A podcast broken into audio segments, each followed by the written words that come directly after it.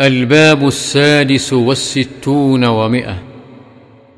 باب استحباب الخروج يوم الخميس واستحبابه أول النهار. عن كعب بن مالك رضي الله عنه أن النبي صلى الله عليه وسلم خرج في غزوة تبوك يوم الخميس. وكان يحب أن يخرج يوم الخميس. متفق عليه. وفي رواية في الصحيحين لقلما كان رسول الله صلى الله عليه وسلم يخرج إلا في يوم الخميس.